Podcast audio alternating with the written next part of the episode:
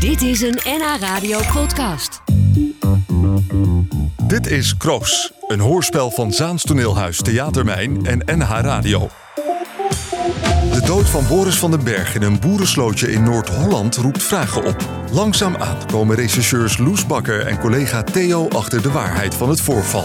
Sylvia, dochter van Loes, is op een onduidelijke manier betrokken bij het voorval. De gedragingen van haar vriendin Claudia geven aanleiding tot een ondervraging op het politiebureau. Zal Claudia licht kunnen werpen op de gebeurtenissen die hebben geleid tot de dood van Boris van den Berg? En was het uiteindelijk moord?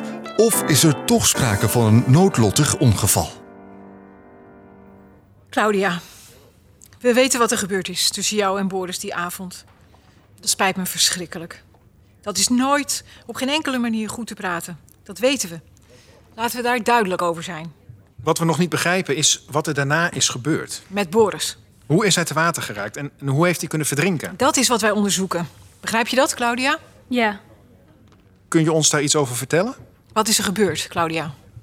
het is een waas. Het is allemaal gebeurd in een waas. Het is allemaal gebeurd en ik weet niet eens zeker of het echt allemaal is gebeurd. Vertel wat je je kunt herinneren. Sylvia zei dat ze Boris in de sloot had geduwd. En dat ze hem er weer uit had gehaald. Maar ook dat hij glashard ontkende dat hij mij. Hij ontkende dat hij mij. Rustig maar. Sylvia ging koffie voor me halen. Ze had gezegd dat Boris ontkende dat hij mij. Ik, ik werd daar zo kwaad om, zo ontzettend kwaad. Ik kan me niet herinneren dat ik ooit zo kwaad ben geweest.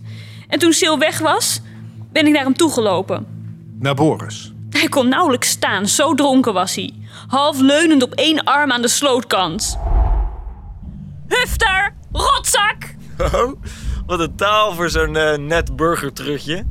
Wil je wat te drinken? Ga staan! Eh, ja, ik probeer het, maar eh, zoals je ziet sta ik enigszins eh, wankel op de beentjes. Dus jij ontkent dat je mij hebt aangerand, hè? Dat ontken je serieus? Eh, het was een ongelukje. Ik bedoel... eh, Klootzak! Hij lag in die sloot en toen keek hij naar me en hij begon te lachen. Gewoon vals te lachen, recht in mijn gezicht. Met zo'n grijns, zo'n grijns van een overwinnaar. Toen ben ik achter hem aangesprongen. In die sloot. En ik heb hem onder water geduwd en keihard mijn hak op zijn rug gezet. En ik ben net zo lang blijven duwen tot hij niet meer bewoog. Toen hoorde ik stemmen. Mensen kwamen van achter de boerderij tevoorschijn en ze riepen: Gaat het wel goed met je? En toen ben ik maar gaan schreeuwen: Help, help, Boris is in de sloot gevallen. Help, hij beweegt niet meer. En iedereen dacht dat ik hem aan het redden was, terwijl ik. En toen zijn we naar Sil gegaan en daar heb ik me omgekleed. En ik ben in droge kleren van Sil naar huis gegaan. Je weet hoe ernstig het is wat je zojuist hebt gezegd? Ik denk het. Begrijp je ook dat we je hier vast moeten houden? Nu wel.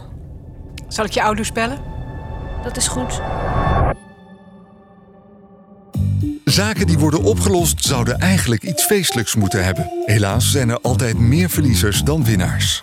Claudia, 20 jaar, heeft nu al een ervaring op zak die de rest van haar leven zal tekenen. De zaak is opgelost, maar echte winnaars zijn er nooit. Een week later is Theo uitgenodigd bij Loes en Sylvia voor een ontspannen etentje. Ik zit echt heerlijk te eten, Loes. Nou, je moet Sil bedanken. Zij heeft gekookt. Dank je, Sil. Het smaakt echt heerlijk. Graag gedaan. En het is een eh, goed makertje. Ja, waarvoor? Nou, volgens mij ben ik niet echt vriendelijk tegen je geweest. Toen je me verhoorde.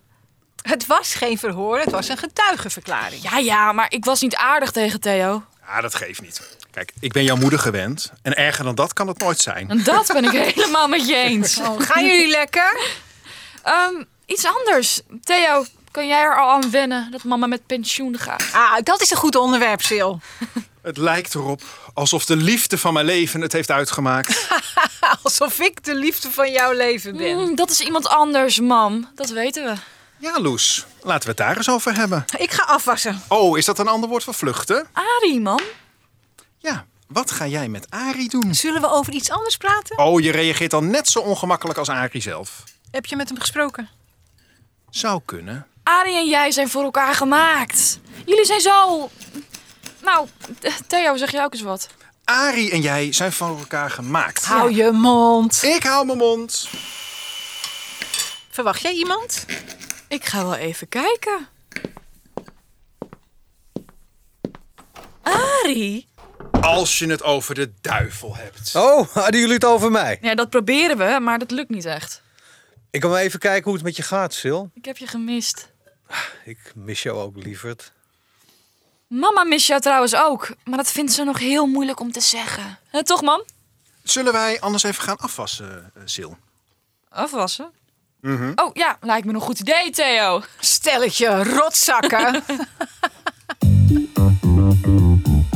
Sommige zaken worden opgelost, afgehandeld, afgerond. Ze komen tot een goed einde en kunnen worden vergeten. Andere zaken van de menselijke aard, de zaken van het hart, sudderen door en door en laten ons in het ongewisse over een goede of een minder goede afloop.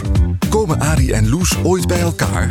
We spreken hier de hoop uit en denken er het beste van. Dit was een NH Radio podcast. Voor meer, ga naar nhradio.nl. Radio.